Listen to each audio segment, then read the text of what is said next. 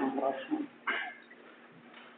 Sveikiname garbėzui Kristui, nežinau, koks jūsų santykis su religija ir ar čia apskritai kunigai į tokias rimtas auditorijas dažnai įsiveržia su tokiam temom. Esu kunigas Edmundas Naujokaitis, priklausau Šventofijos dešimtojo kunigų brolyjei, tai yra kongregacija, e, kurios namus turime Panemunėje, Birutės gatvė 1, taip pat užsimame leidybą. E, čia gal kas po paskaitos, gal sudomins kurią nors temą knygos. Ir viena iš tų knygų pereidome prieškario filosofo Jozo, kunigo Jozo Lomano, Kvovadis, modernioji Europa, apie tai, kas paskutiniais šimtmečiais vyko vakarų civilizacijoje. Ir E, tai galima pavadinti įvairiai, arba krizė, arba konfliktas, bet galima pavadinti, jeigu kalbėtume apie civilizacijas, yra kalbama apie civilizacijų karus. Tai būna karai tarp civilizacijų arba būna civilizacijų pačių vidinis konfliktas, pilietinis karas. Ir tai turime pripažinti, vakaruose jau bent kelis šimtmečius vyksta intensyvus civilizacinis pilietinis karas tarp katalikiškos civilizacijos liekanų, tai kas yra vadinama viduramžių civilizacija arba klasikinė civilizacija ir įvairių modernybės formų, e, modernybės ideologijų. Ir tokia prieinama forma būtent kuningas Lomanas tai pristato. Ir šis karas, aš dažnai dažniau skaitau paskaitas e, Vilniaus universiteto studentams, politologams, filosofams. E, yra tokia savoka totalinis karas, totalinio pobūdžio, kada kariauja ne kažkokios e, armijos profesionalūs kariai, bet įtraukia visus žmonės, ar jie galvoja apie tai ar ne, vyksta visose viešo, viešojo privataus gyvenimo sferose ir naudojamos visos įmanomos priemonės. Dabar kalbama hybridinis karas ar kitaip. Tai yra totalinis karas, kuriame įtraukiama viskas, nes tai yra karas dėl gyvybės ir mirties. Ir dabar išsiveržė į, kaip į pirmąją, pirmąjį frontą visiškai naujas fenomenas - transhumanizmas. Ir dabar esame pačioje pradžioje ir mes nežinome, gal visa ta paskaita, ką čia mes kalbam, tai yra šnekėjimas apie kažkokias fantasmagorijas arba paranoja, kad kažko tai išsigandom, kas nekelia jokios grėsmės. Tai yra labai sunku, kadangi transhumanizmo temai reikia labai daug specifinių žinių iš įvairiausių naujų mokslų, kurie sparčiai vystosi ir ką dabar paprastas žmogus ar, ar kunigas, teologas, ką jisai gali susigaudyti tose dalykuose. Kaip jis gali pasakyti, ar tie, e, tos tendencijos vystyti sparčiai ar ne. Yra žmonių, kurie sako, kad labai sparčiai vystysis, kad mes net nespėsim susigaudyti. Ir vienas iš tokių yra Juval Harari. Gal matėte, knyginuose yra knyga Homo Deus, žmogus Dievas. E, tai yra žydų istorikas, e, kuris yra savo asmeniu, galima sakyti, e, įkūnyje transhumanizmą ir tokią politkorektišką asmenybę, reiškia, yra žydas, gėjus, veganas, budistas ir taip toliau. Ir yra nepaprastai populiarus, buvo Davose forumas, pasaulio ekonomikos forumas ir pati Merkel ir Makronas prieėjo prie Harari, sako, skaitėm jūsų knygas, sveikinam, žodžiu, jis tapo madingiausiu tokiu e, ideologu e, vakaruose ir ką jis skelbė. Būdamas žydas, jisai rašo, e, kad 20-ame amžiuje buvo trys humanizmo sektos. Jis taip paniekinamai rašo apie humanizmą, buvo liberalioji, komunistinė ir evoliucinis humanizmas. Ir evoliucinėme humanizme įsigalėjo Hitleris, kurio buvo tokios idėjos e, kraštutinės, reiškia e, apie vienos rasės pirmenybę, nacionalizmo pirmenybę, bet tas idėjas nukrapščius tai tas evoliucinis humanizmas turės ateitį ir jis nugalės liberaliąją ir komunistinę humanizmo versiją. Tokia yra Harario skelbiama tezė.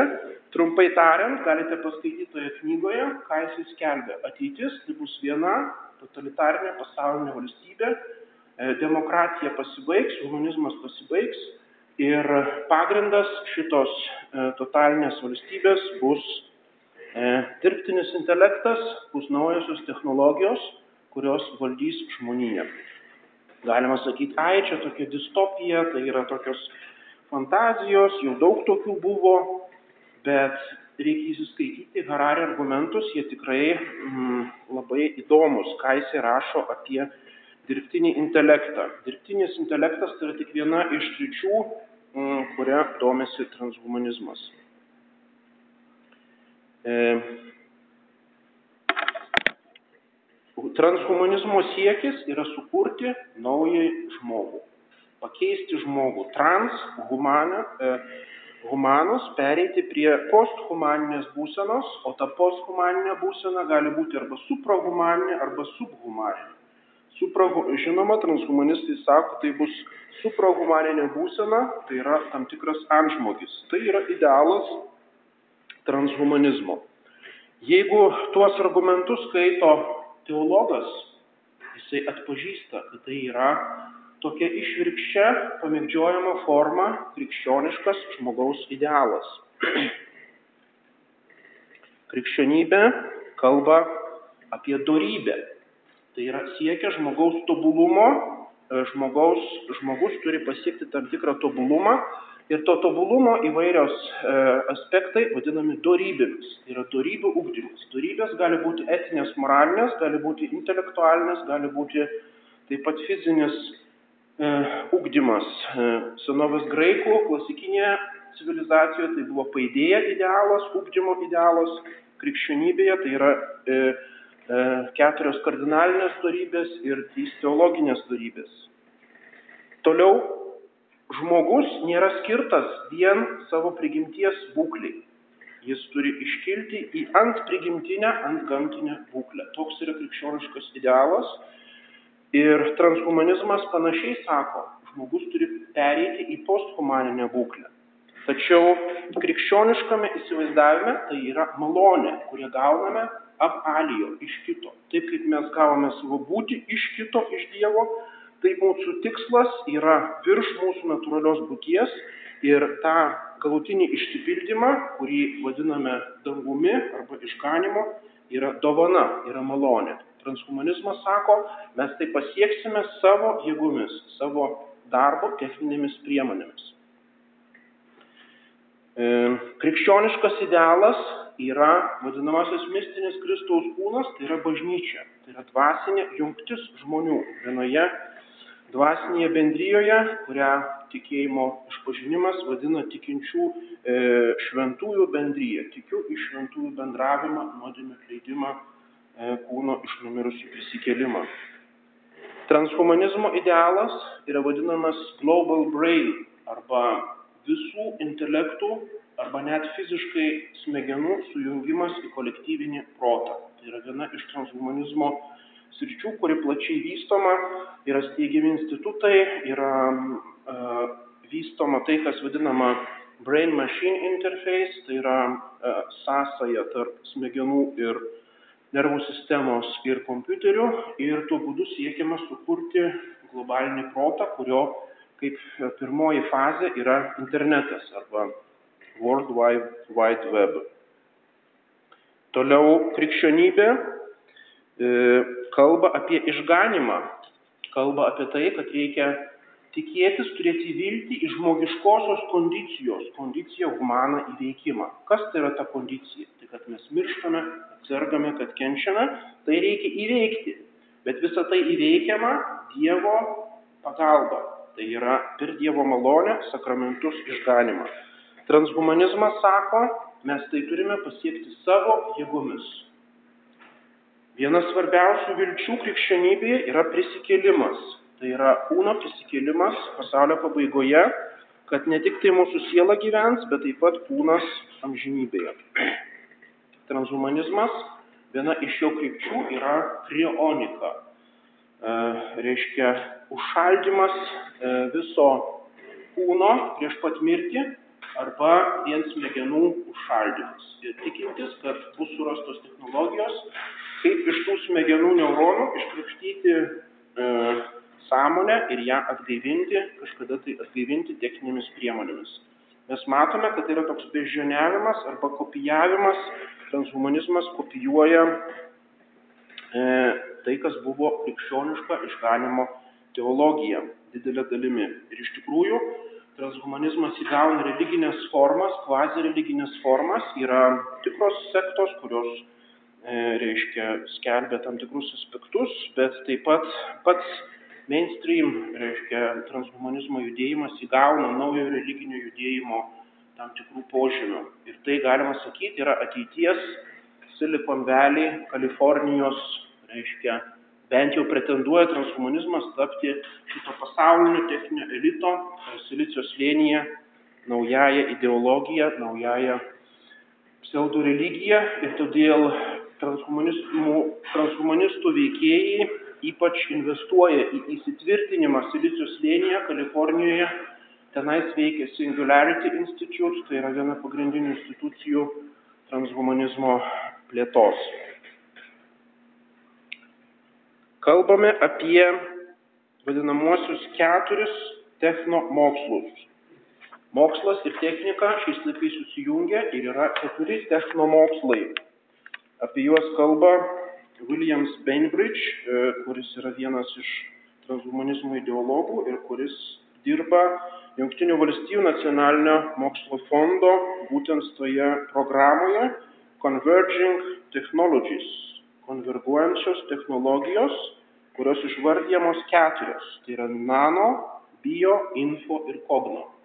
Konverguojančios tai reiškia, jos glaudžiai susilies, jos sudarys kaip tokias keturias atšakas to super technomokslo, kuris būtent lems visas ateities technologijas ir turės pakeisti visą ateities gyvenimą. Nanotehnologijos, nanosfera, kaip žinome, tai yra manipuliavimas atominėme ir molekulių lygmenyje, biosfera, tai yra visas medicinos sferos pakeitimas, info, tai yra informatika, kompiuterių mokslas ir kogno, tai yra neuromokslas ir ypač kognityvinis neuromokslas ir kognityvinė, kognityvinės teorijos, bandymas perprasti žmogaus proto veikimą ir tą protą imituoti e, kompiuteriuose techninėmis galimybėmis. Taigi, kaip naujas ateities toksai žmogaus sukurtas Dievas, galima sakyti, yra šitos keturios konverguojančios technologijos. Ir apie jas sukasi visa kalba, kai kalbame apie transhumanizmą. Taigi transhumanizmas nėra vien dirbtinis intelektas, kaip galėtume susidaryti įspūdį iš e, Juval Harari ar iš kitų knygų, bet yra daugybė sferų ir tiesiog visas jas apžvelgti yra labai sunku. Ir visos tos sferos sukelia naujas filosofinės problemas. Ir todėl e, transhumanizmas tapo ištisą aukšto kasyklą filosofams, galima gilintis į pačias tas įvairiausias sferas, e, kur daugelis sferų susiveda, daugelis temų susiveda tiesiog į tokį klausimą, kad, ką daryti žmogui, kai jis pats sukurs Dievą, kuris bus už jį galingesnis. Kas tada bus? Kaip tada žmogus turės santykiauti su tuo Dievu. Ar jis taps jo vergu, to naujo Dievo, ar jis jam galės pasipriešinti, ar įmanoma tą Dievą sukonstruoti taip, kad jis būtų žmogiškai draugiškas, žmogui draugiškas. Tai yra žmogui draugiško dirbtinio intelekto idėja. Ir šito užsima daugybė filosofų, to užsima institutai. E, tais klausimais, reiškia, filosofams už tai pinigus moka didžiausios korporacijos, reiškia, ką daryti galima sakyti, nu klausykit, čia tokios fantazijos, ką jūs čia apie tai iš vis svarstote, tai yra iliuzijos.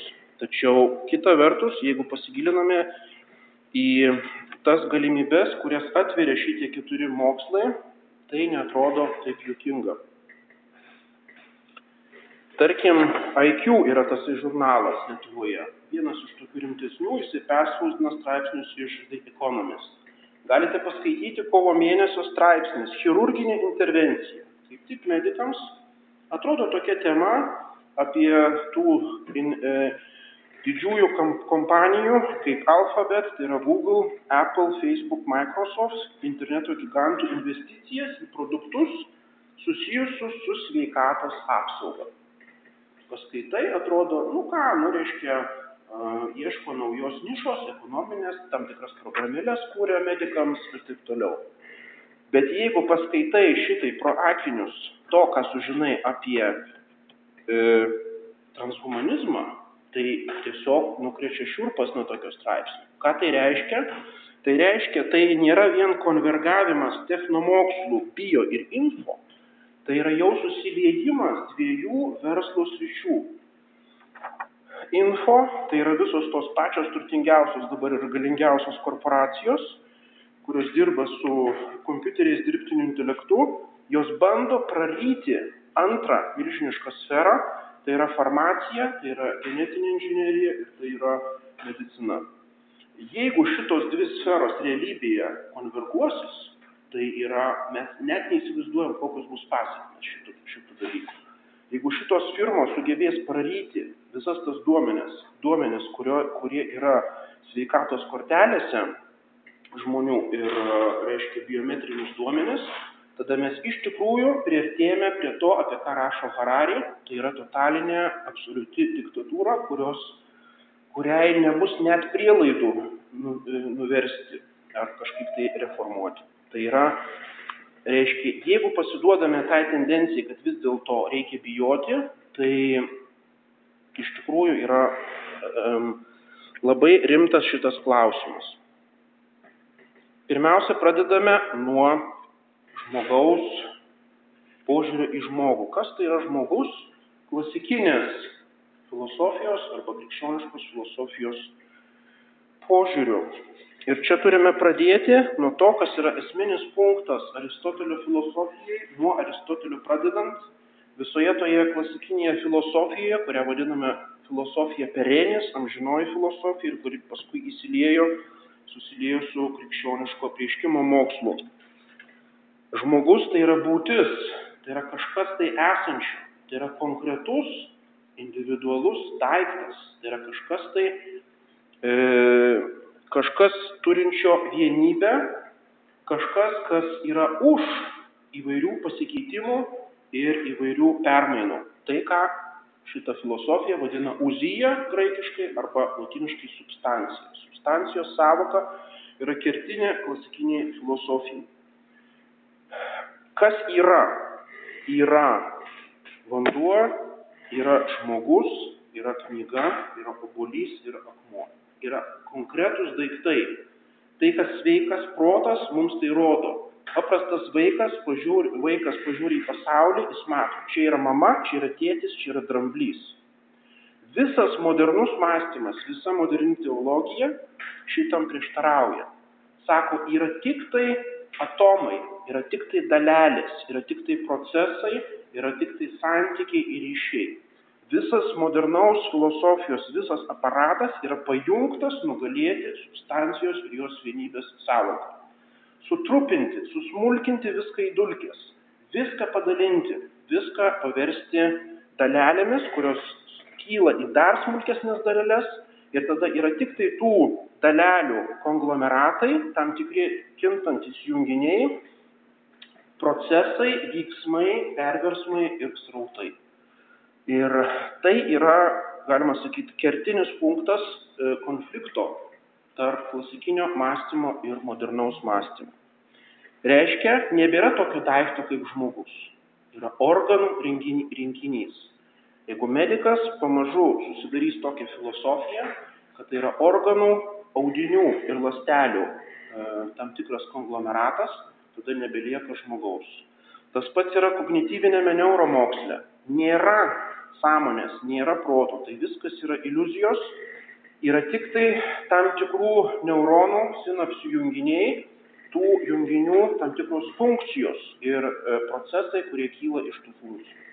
Tas pats yra e, etikos srityje, tas pats yra kitose srityse. Tų skaldimas, e, E, smulkinimas ir visko sutrinimas į dulkes. Kas iš tų dulkių išeina? Išeina srautas, tam tikras e, ta, takus, reiškia kažkokio tai skyščio ar e, dujų toksai srautas. Ir būtent apie tai kalba Zygmunt Bauman, žymusis postmodernizmo sociologas Lenkas, kuris sako, kas yra postmodernybės esmė. Tai yra takioji postmodernybė. Viskas yra taku, viskas yra skysta, viskas yra tik tai tokie fluidai, plazmos ir skyščiai, kurie teka, kurie neturi jokios formos. Šitą ideologiją remiasi gender ideologija lyties srityje. Nebėra vyras, moteris, yra masė pereinamųjų stadijų visokiausių kintančių queer reiškia tapatybių. Tuo pačiu remiasi, mm, į kurią pusę be pasižiūrėsim, paskui postgender įvairios kryptis ir taip toliau. Substancijos savoka. Žmogus yra substancija. Taip kaip substancija yra medis, akmuo, atomas, žvaigždė, e, žvaigždės brandolys ir taip toliau. Substancija yra individas, žmogus yra kažkas tai individualaus ir žmogiškosios prigimties individuali substancija vadinama asmeniu, tai yra žmogaus asmuo. Jeigu į šitą nesikoncentruojame ir nes, nestatome visko ant šitos bazės, tada statome visą mūsų mąstymą ant smėlio, kaip e, sakoma Evangelijoje. Taigi esminis, esminis dalykas, ką reikia ginti, tai yra tos substancijos vienybė. Yra vadinam, vadinamosios klasikinėje filosofijoje būties savybės, fundamentaliausios ontologinės būties savybės. Tai yra aliquid kažkas, tai yra vienybė, tai yra e, tiesa ir gėris. Jau nuo Platono laikų tiesa, gėris, paskui koks yra jų santykis tarpusavį ir štai tarptų būties savybių mūsų klausimui svarbiausia yra vienybė, vienumas. Žmogus yra viena substancija ir tos substancijos būtent formalioji dalis tai yra siela. Žmogus turi sielą ir ta siela suteikia vienybę e, visiems organams, visoms kūno dalims. Jeigu šito nebelieka, tada būtent žmogus yra tik tai e, atsarginių dalių sandėlis transplantacijoms, transfuzijoms, e, genetiniams eksperimentams, e, poligonas ir e, galimybė jungti žmogaus įvairias dalis su mechaninėmis, informacinėmis ir kitomis technologijomis ir tai mes vadiname kyborgu. Tai, kas yra kyborgo savoka iš mokslinės fantastikos, tai dabar yra ištisa kyborgo filosofijos sritis, kuri analizuoja, kas yra kyborgas, kaip kyborgas funkcionuoja. Transhumanizmo viena iš pranašių, Haraway, kuri yra tokia kaip jungtis tarp postmodernizmo filosofijos, feminizmo ir transhumanizmo, būtent jinai paskelbė Cyborg manifesto. Kyborgo manifestas tai yra vienas svarbiausių kertinių transhumanizmo tekstų kuris sako, kad feminizmas jau yra pasė, tai jau yra praeities ideologija, dabar mes nebekovojam už moterų teisės, o mes skelbime kyborgą. Kyborgas tai yra žmogus kaip grina laisvė, čia yra egzistencializmo įtaka, reiškia, kuris pats save konstruoja, kuris pats nustato savo lytinę tapatybę, kas aš toks esu, ar aš apskritai žmonių rūšiai priklausau, gal aš esu katė, jau dabar yra ištisas transspeciesizm judėjimas, reiškia žmonės, kurie mano, kad jie turi laisvę pakeisti savo identitetą iš žmogaus į gyvūną arba į kažkokį el, elfą ar kitą būtybę. Reiškia, yra visiška laisvė, visiškas skystumas šitos uh, žmogaus kondicijos. Ir tada yra vienas žingsnis prie tų skyščių susiliejimo arba per, persipinimo. Reiškia, ta kintančios tapatybės e, fluidai jungiasi tarpusavyje ir čia mes grįžtame prie tos transhumanizmo idėjos e, kolektyvinis protas arba e, tai, ką pirmieji transhumanistai arba jų pirmtakai vadino noosfera. Noosfera tai yra proto, kolektyvinio proto sfera, kaip jų pirmieji pirmtakai, galima sakyti, enciklopedistai, sujungti visą žmonijos žiniją į vieną vietą, paskui ta ideologija rėmėsi interneto sukūrimas, e, taip pat Wikipedia, šitą enciklopediją šito remiasi. Ir dabar stengiamasi jau netgi fiziškai, neurologiškai jungti smegenis į vieną kolektyvinį protą. Reiškia, koks yra žmogaus tikslas galų gale įsilieti į šitą kolektyvinį fluidą kosminį protą. Tai yra transhumanizmo kaip vienas iš siūlomų idealų. Tai yra radikalus paneigimas to, ką mes sakome, kad e, žmogus yra vienas, vie, vientisas. Kita klasikinės teologijos e, filosofijos savoka, kuri mums yra aktuali, tai yra entelechija. Aristotelio entelechija, entelos echein, turėti tikslą savyje. Visa Aristotelio filosofija yra finalistinė, nukreipta į tikslą. Tai radikalus priešingumas moderniai filosofijai, kuri pripažįsta tik tai priežastis. Vienintelė priežastis, kauza, tai yra e, kilimas iš kažko tai. Nėra tikslų. Entelechija reiškia kiekviena ta substancija, turėdama vienybę, siekia tą vienybę išlaikyti. Tai yra jos tikslas. Išlaikymas savo substancijos.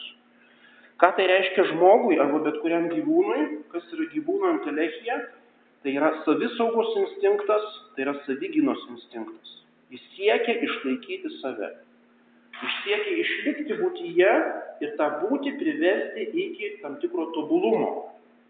Reiškia, gilė turi entelechiją, ne tik tai pasipriešinti, ji turi tą kietą luobą, ginasi nuo visų mikrobų ir mechaninių, reiškia, poveikių, kad išlikti ir kad išsivystyti į ąžuolą.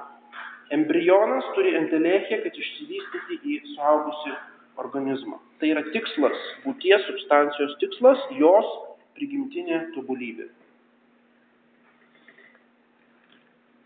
Prigimtis kaip tikslas. Ir štai transhumanizmo šitą ideologiją šitą paneigia. Jį bando išjungti žmogaus šitą savisaugos, savisaugos instinktą kad žmogus nebebijotų keisti savęs, nebebijotų peržengti visų ribų e, savo prigimties. Kas tai yra prigimtis? Grekiškai fizis arba latiniškai natūra, tai yra būtent tos substancijos specifinis veikimo būdas. Galima kaip sinonimus naudoti substancija arba prigimtis. Jeigu kalbame apie jos veikimą į išorę, kaip jinai gyvena, kaip jinai veikia, kaip jinai reiškiasi, tada mes kalbame apie jos prigimtį. Taigi, jeigu transhumanizmas siekia suskaldyti substanciją į dulkes, jeigu jis priešinasi individui, jau yra nebe dividas, nebe individas, o skelbiamas jau nuo postmodernizmo laikų divido savoka, reiškia žmogus yra dividas, jis ir neturi jokios vienybės. Jeigu nėra šitos vienumo ir jeigu nėra entelechijos kaip siekimo išlikti savimi ir pasiekti savo tobulumą ir apsisaugoti ir pratesti savo giminę dauginimosi būdu, tai tada būtent turime šitą fluidą, šitą žmogų kaip kyborgą, kaip nuolatinį save perkūrinti e, kažkokią tai būtybę. Jeigu nebelieka substancijos, tai tada nebelieka ir hierarchijos tarp substancijų, kurią klasikinė filosofija išreiškia porfirijaus medžio pavydalu.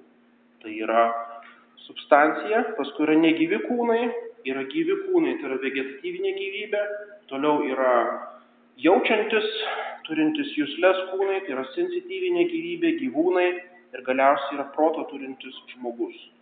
Šitas porfirijaus medis išreiškia substancinius e, absoliučius būties šuolius, kurie yra diskretiškai vienas nuo kito skirtingi. E, modernioji filosofija, kurią, kurią paskui kaip bazę paima transhumanizmas, šitą greuna skirtumus, gyvybę bando redukuoti į negyvoje, negyvosios materijos fizikinius cheminius procesus E, sąmonę arba jūslės bando redukuoti iki paprastos gyvybės, o žmogaus protą bando redukuoti iki žmogaus, e, iki gyvūno ligmens. Ir tai yra mm, visa šita tendencija išplėsti asmens savoką. Transhumanizmas perima e, Zinger ir kitų e, utilitaristų, naujųjų utilitaristų vadinamąją asmenų skalę, utilitaristinę asmenų skalę. Klasikinėme supratime asmuo tai yra protinga būtybė. Kas yra asmuo? Tai yra trys švenčiausios trybės asmenys, tai yra angelai ir yra žmogus. Tas, kas turi protą, tas turi asmeninės teises ir e, tas sugeba kurti asmenų bendruomenę. Tuo remiasi visa etika, politika ir taip toliau. Utilitaristinė asmenų skalė yra viso to sutrupinimas, suskaldimas į perplaukiančias tokias kategorijas. Reiškia, E, ypač vadinamoji demokratinio utilitarizmo kryptis, e, demokratinio transhumanizmo kryptis šitą propaguoja, kad e, turime kurti visuomenę, kurioje turės atitinkamas teisės visi šitos utilitaristinės asmenų skalės nariai. Kokia šita skalė? Pirmiausia, tai yra nuosavybė, tai yra daiktai e, tarkim, kažkoks mašina arba knyga, ar reiškia šitie daiktai. Paskui yra augalai ir tos gyvybės formos, kurios neturi sensijans, neturi galimybės jausti skausmą. Prie šitų būtybių priskiriamas žmogaus embrionas iki jo nervų sistemos susiformavimo. Ką tai reiškia? Pagal Anot Singer negalima pažeisti gyvūnų teisių nužudyti beždžionės, kadangi jį turi jūs, jūsles, tačiau visiškai galime ankstyvoje stadijoje neštumą nutraukti aborto būdu. Tai yra pagrindinis ideologinis pagrindimas e, abortų. Reiškia, embrionas yra tik tai daiktas, nusavybė. E, pro-choice visas judėjimas. Tai yra mano pilvas, tai yra mano nusavybė, šitos moteris sako. Reiškia, aš turiu teisę šitą gyvybę manipuliuoti, e, ją visaip reprodukuoti, klonuoti, su jie atlikti genetinius eksperimentus ir taip toliau. Antras utilitaristinės asmenų skalės e, etapas tai yra būtybės, kurios gali jausti skausmą. Tai jau yra susiformavęs, e, e susiformavęs vaisius iščiose, tai yra kūdikis, tai yra žmogbežionės, tai yra gyvūnai, E, kurie gali jausti skausmą. Ir šito, šitą pakopą jau postuluojamos gyvūnų teisės. Sekantis yra sąmonės ligmuo, į jį įtraukiami jau ne tik tai žmonės, bet įtraukiamos aukštesnėsios žmogbežinės. E, atskira transhumanizmo kryptis kalba apie uplifting, animal uplifting, reiškia žmogus su naujesnėmis technologijomis turės pareigą, ne tik tai galimybę, bet pareigą uplift šitas beždžionės iki aukštesnio sąmonės lygmens. Tai yra techninėmis neurogenetinėmis priemonėmis jas e, pakelti iki aukštesnio sąmonės lygmens. Į šitą asmenų kategoriją taip, taip pat įeina aukštesniojo lygio dirbtinis intelektas. Uh, General Artificial Intelligence. Reiškia, robotų teisės arba kompiuterių teisės. Jie įgyja asmens teisės, e, jo niekas negalės išjungti, jo niekas negalės perprogramuoti, jisai turės teisę pats save perprogramuoti. Šitas dirbtinis intelektas. E, jeigu mes taip mastome, tada būtent išsiplečia asmenų skalė, tai visiškai pakeičia mūsų visuomenės sandarą, visiškai pakeičia žmogaus teisų, demokratijos visas kitas kategorijas. Būtent apie tai taip pat kalba Harari, kad mm, atsiras nauja suverenumo savoka, kas yra suverenas, e, kaip vykdomos visos politinės procedūros. Taigi matome, čia labai trumpai tiesiog e, pagrindinės klasikinės filosofijos savokos apie žmogų ir kaip jos kontrastuoja su transhumanizmu. Toliau yra kita filosofijos rytis įdomi, tai yra technikos filosofija. Kas tai yra technika?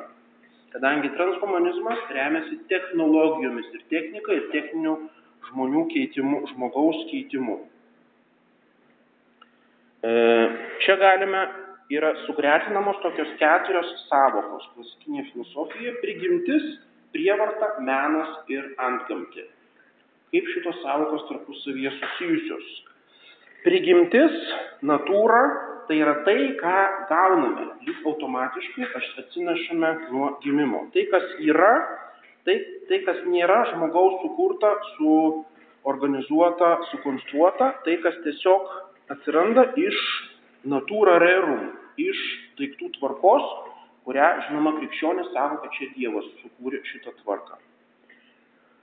Toliau yra keli būdai, kurie priešinasi šitai prigimčiai, kurie gali eiti, dažnai eina prieš inklinacioniam natūraliam natūrai, reiškia prieš natūralų polinkį, kaip natūra funkcionuoja. Ir šitie trys būdai yra prievarta, menas ir antgamtė. Prievarta tai yra, kada protinga būtybė, tarkim, paima akmenį ir su plaktuku suskaldo. Akmens kaip substancijos intelekcija šitam priešinasi. Akmuo daro viską, kad tik tai nesuskiltų ir reikia investuoti tam tikrą energiją, kad akmenį suskaldytų. Arba nužudyti gyvūną, arba atlikti bet kokį, reiškia, išorinį e, aktą prieš prigimtį. Toliau yra menas, graikiškai techne, latiniškai ars. Menas e, filosofinė prasme apima ne tik tai dailiuosius menus, bet bet kokį žmogaus proto projekciją į išorinę realybę. Visa žmonių kultūra yra šito meno produktas. Reiškia, žmogus, galima sakyti, iš savo esmės, kaip protinga būtybė, yra dirbtinė būtybė. Kadangi jis negali jau nuo kūdikystės fazių egzistuoti be kalbos, kur yra dirbtinis dalykas, kuris yra artefaktas. Negali egzistuoti be bendruomenės, tai yra valstybė, šeima e, ir taip toliau. Kiekviena bendruomenė yra dirbtinis dalykas. Visa kultūra, visa technika, visa politika, viskas yra meno sritis, kultūros sritis. Ir ketvirta savoka yra antgamti. Tai yra tai, ką Dievas virš gamtos, kaip pati savoka sako, supranatūralią, supernatūraliu būdu reiškia veikia. Tai yra malonės savoka, tai yra stebuklo savoka. Ir štai e, kilo filosofinės diskusijos, žinome, Ruso, e, rusoizmą, kuris sako, kad visa meno sritis yra bloga, bloga. Reikia palikti tik tai prigimti. Reiškia, visa kultūra, visa ta, reiškia, 18 amžiaus Prancūzijos ta visa rafinuota visuomenė su savo visais ritualais, su savo baroko menu, su savo technika, visą tai yra dekadansas, reikia grįžti prie kilnaus laukinio Nobel Savage, reiškia, idealo. Šitą idėją priešingą menui remiasi visas romantizmas, visas technofobija, visas priešimasis technologijoms.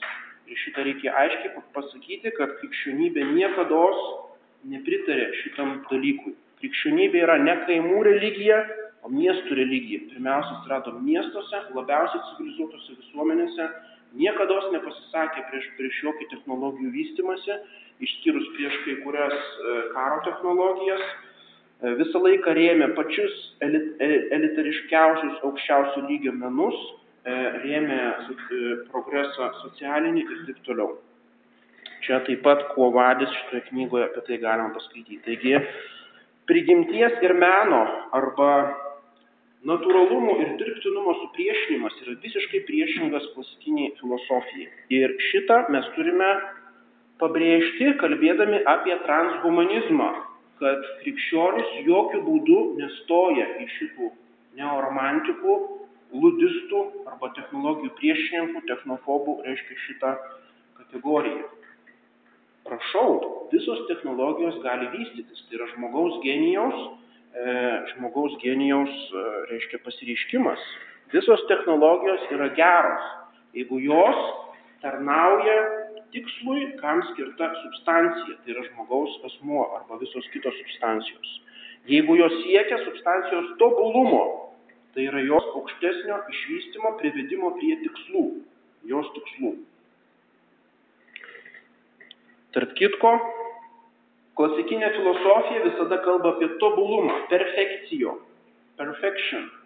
Transhumanizmas niekada šito žodžio nevartoja, jis nekalba apie tobulinimą, jis kalba apie enhancement, tai yra pagerinimas, tai yra techninis pagerinimas žmogaus, reiškia kaip artefakto sukonstravimas labiau funkcionuojančiame ligmenyje. Tai yra visiškai e, kitas, kitas lygmuo. Žinoma, antgamtė transhumanizmo yra atmetama.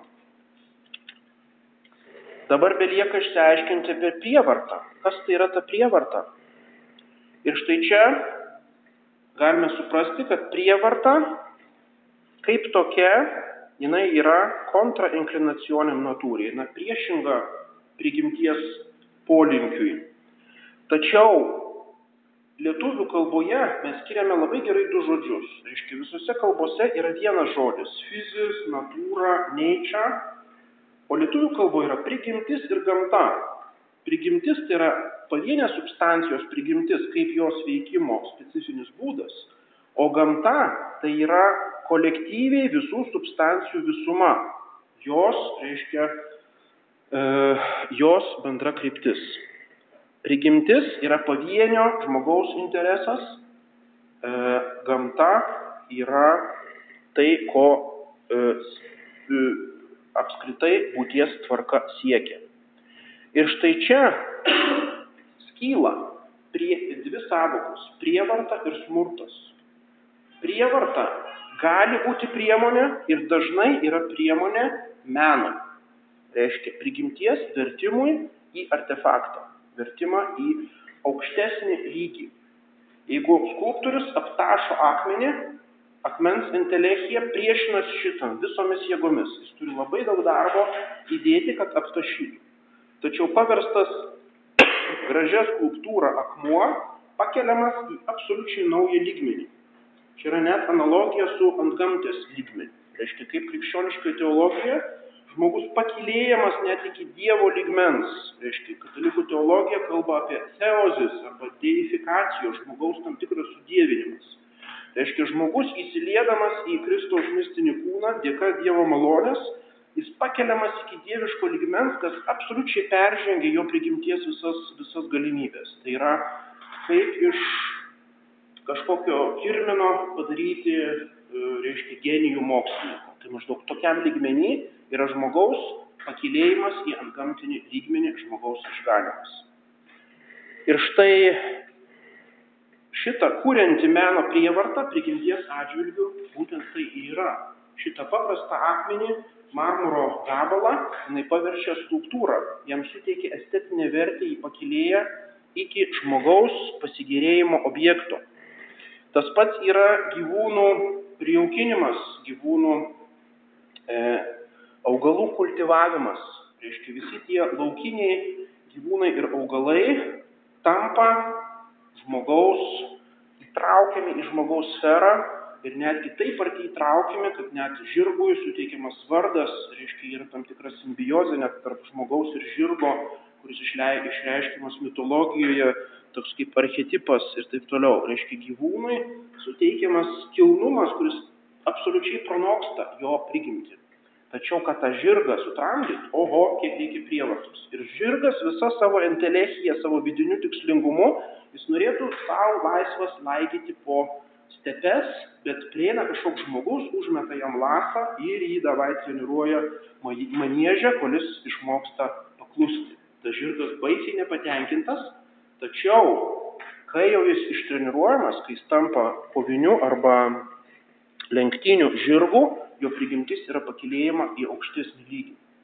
Tas pats yra su žmogaus auklėjimu. Mes žinome, kaip vaikai spiriojasi ir priešinasi auklėjimui, kuris yra vis dėlto kažkas dirbtino. Vaikas visiškai nesupranta, kam jam reikia praustis, kam jam reikia e, tos dalykus daryti, viską tai jam rodo nenatūralu, dirbtina.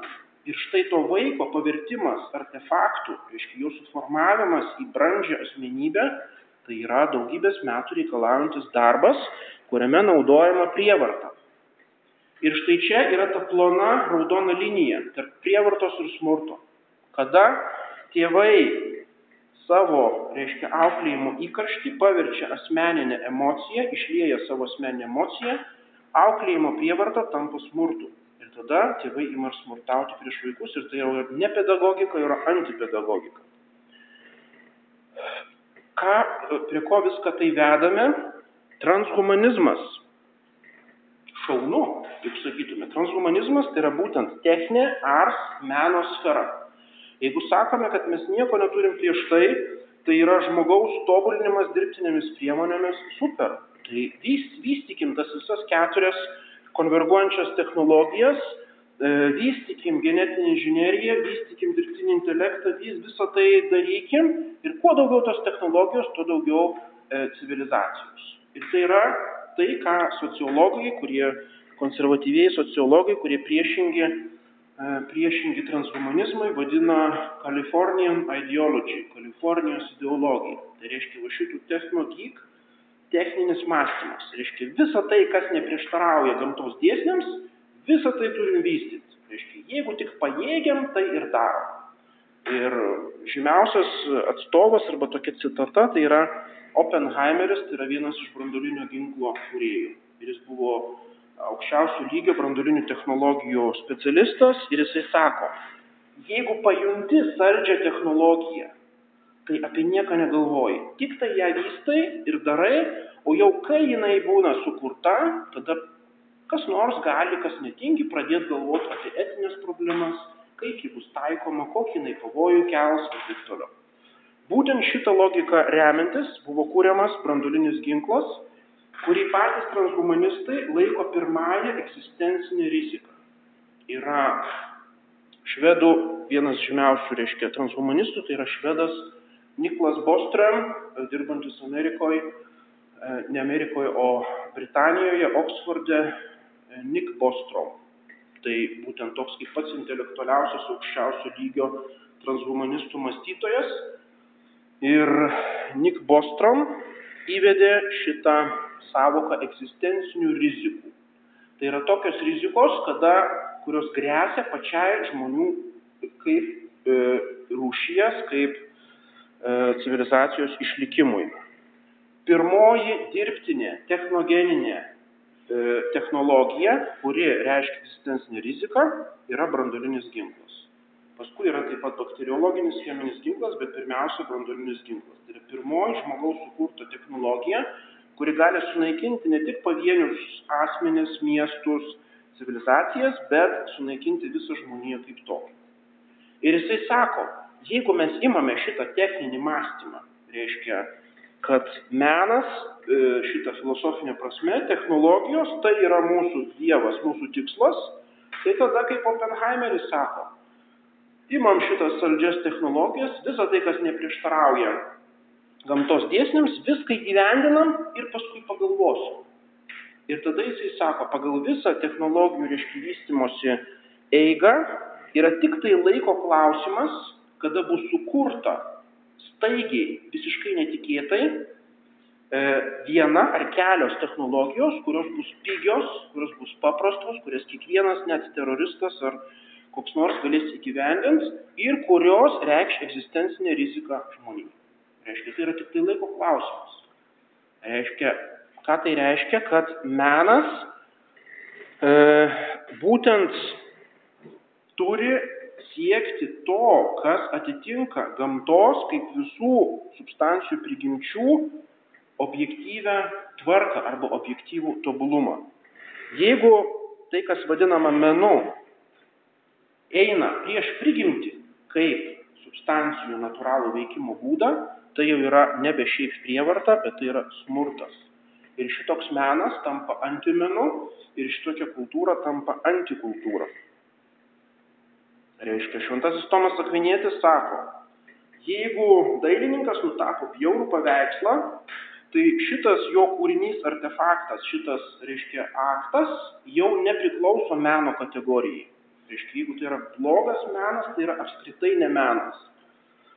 Analogiškai technikos rytyje, jeigu technika, technologijos, bet, kuriame, bet kurioje srityje ima greuti prigimti ir jos tvarką, tai jau yra nebe techninė ars, o tai yra violencija, tai yra prievarta, tai yra smurtas.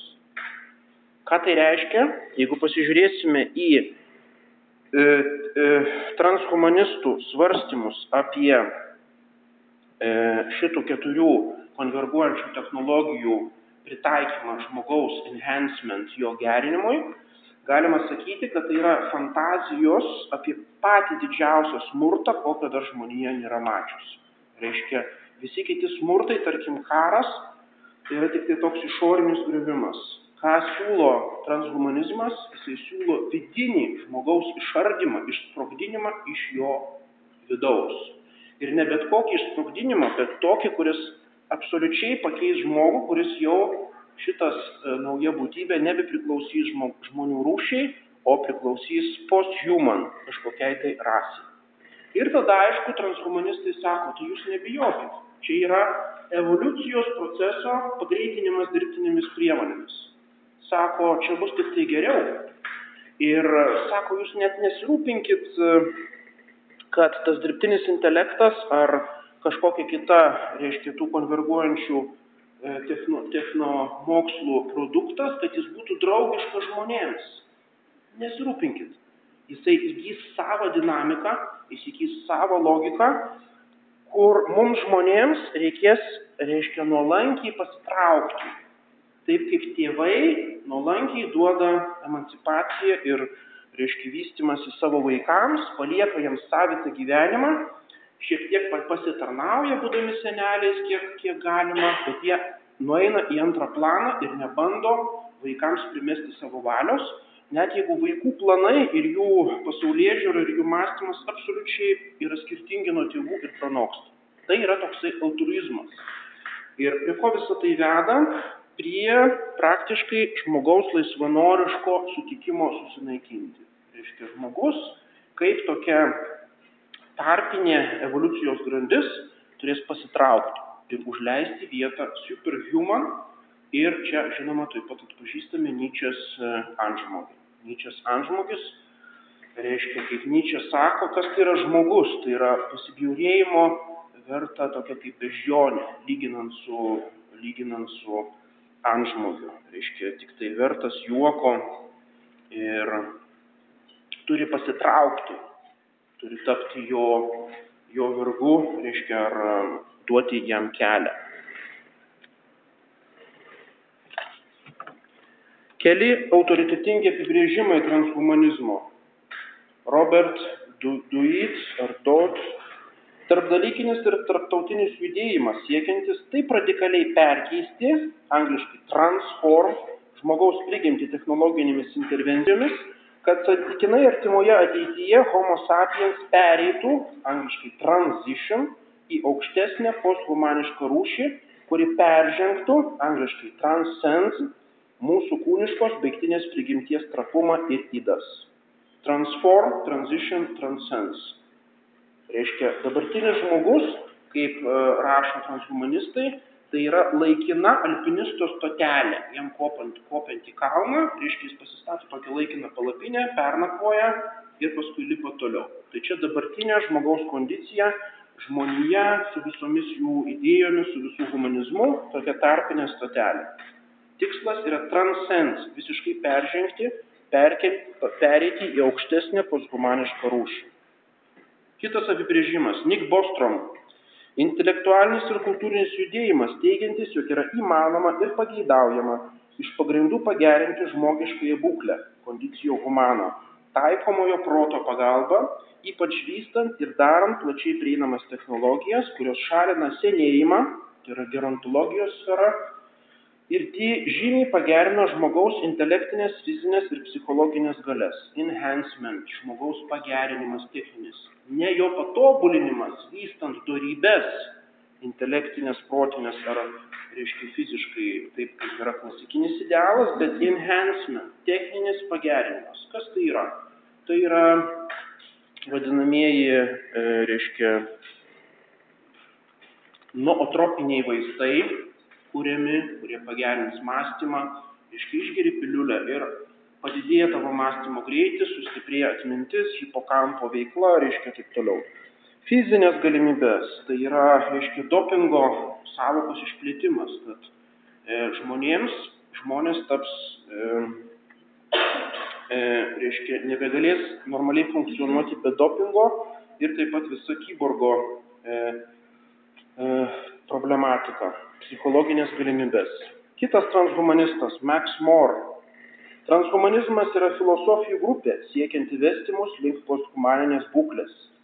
Transhumanizmas turi daug bendrų elementų su humanizmu.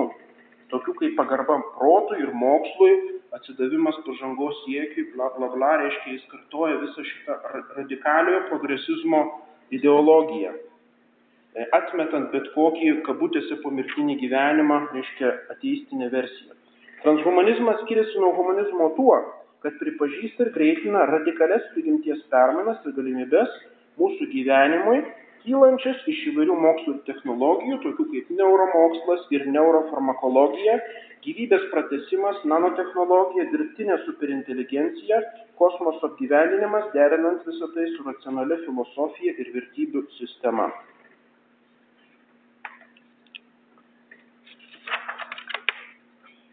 Jeigu pažiūrėsime į artimiausius pirmtakus transhumanizmo, žinoma, jau tam tikrų idėjų galime rasti Renesanse. Tai yra Giovanni Pico della Mirandola, taip pat Francis Bacon, empirizmo pradininkas, Descartes, kuris kalba apie bet machine, tai yra gyvūnas mašina, būtent jis pirmas įveda šitą savo, kad gyvas kūnas yra ne kas kita kaip mašina. Toliau Nyčias antžmogis. Čia yra tyrėjai pasidalinę. Vieni laiko Nyčią transhumanizmo pirmtaku, reiškia jo Übermensch arba antžmogis yra būtent tai, ko siekia transhumanizmas, tačiau tikriausiai stipresnis yra balsas tų, kurie savo, kad yra priešinga Nyčiai kadangi Nyčė savo Übermensch įsivaizdavo kaip tokį renesansinį, reiškia renesansinį žmogų, kuris yra visiškai emancipavęsis, laisvas, galingas valdovas, genijus, e, e, tokia dinamiška asmenybė. Tai yra italų renesansų idealas, tai yra būtent Nyčės. O šitam Übermensch jisai prie, prie, pripriešina letzte Mensch. Letzte Mensch tai yra paskutinis žmogus. Tai yra šitas buržuazinis XIX amžiaus silpnas, kuriam kas yra svarbiausia, tai yra saugumas ir gerovė. Saugumas ir gerovė. Tai yra antžmogio prieš, priešingumas. Jeigu pasižiūrime į transhumanizmą, tai jo siūlomas idealas yra ne Übermensch iškelimas, o būtent šito letzte Mensch Reiškia, ką mums dabar kalai į galvas? Saugumas, sveikata, gerovė, wellness, gerai jaustis, nejausti jokių priešingumų. Į visą tai nukreipta visa, reiškia, e, transhumanizmo, reiškia, kovos prieš e, visą, visas nemalones žmogaus būklės e, pusės, reiškia, kova. Tai yra ir krionika, ir gerontologija, ir eutanazija, ir gimimų kontrolė ir taip toliau. Tai yra radikalizavimas modernybės krizės, ne jos įveikimas, kaip norėjo Nyčia, per antžmogio idealą, bet jos radikalizavimas. Reiškia tai, ką siūlo e, transhumanizmas, tai yra degra, galutinė degradacijos stadija, o ne kažkoks tai mobilizacija nauja linkme. Kitas svarbus e, pirmtakas transhumanizmo yra katalikų jezuitas teologas Pierre Teilhard de Chardin. E, vadinamas tejardizmas, tai buvo tokia katalikų modernizmo kryptis įtakinga, kuri sieja krikščioniškas idėjas su darvinistiniu evoliucionizmu. Ir žinoma, žmogus turi perimti evoliucijos e, visą procesą ir vystytis iki to, ką Šardenas vadina kosminiu Kristumi arba omega, omega tašku. Ir tai yra noosferos idėja, kaip sakėme, kolektyvinio proto, visų individų susiliejimas į kolektyvinę mąstymo sferą. Kitas e, pirmtakas Julian Sorel Huxley, britų evoliucionistas, kuris ir įvedė šitą žodį transhumanizmą. Transhumanizmas 50, 1957 metais laikomas tėvu šito paties termino transhumanizmas. Huxley, e, britų evoliucionistas, e, radikalus, reiškia ateistas ir skelbintis būtent techninį žmogaus performavimą kaip naują religiją.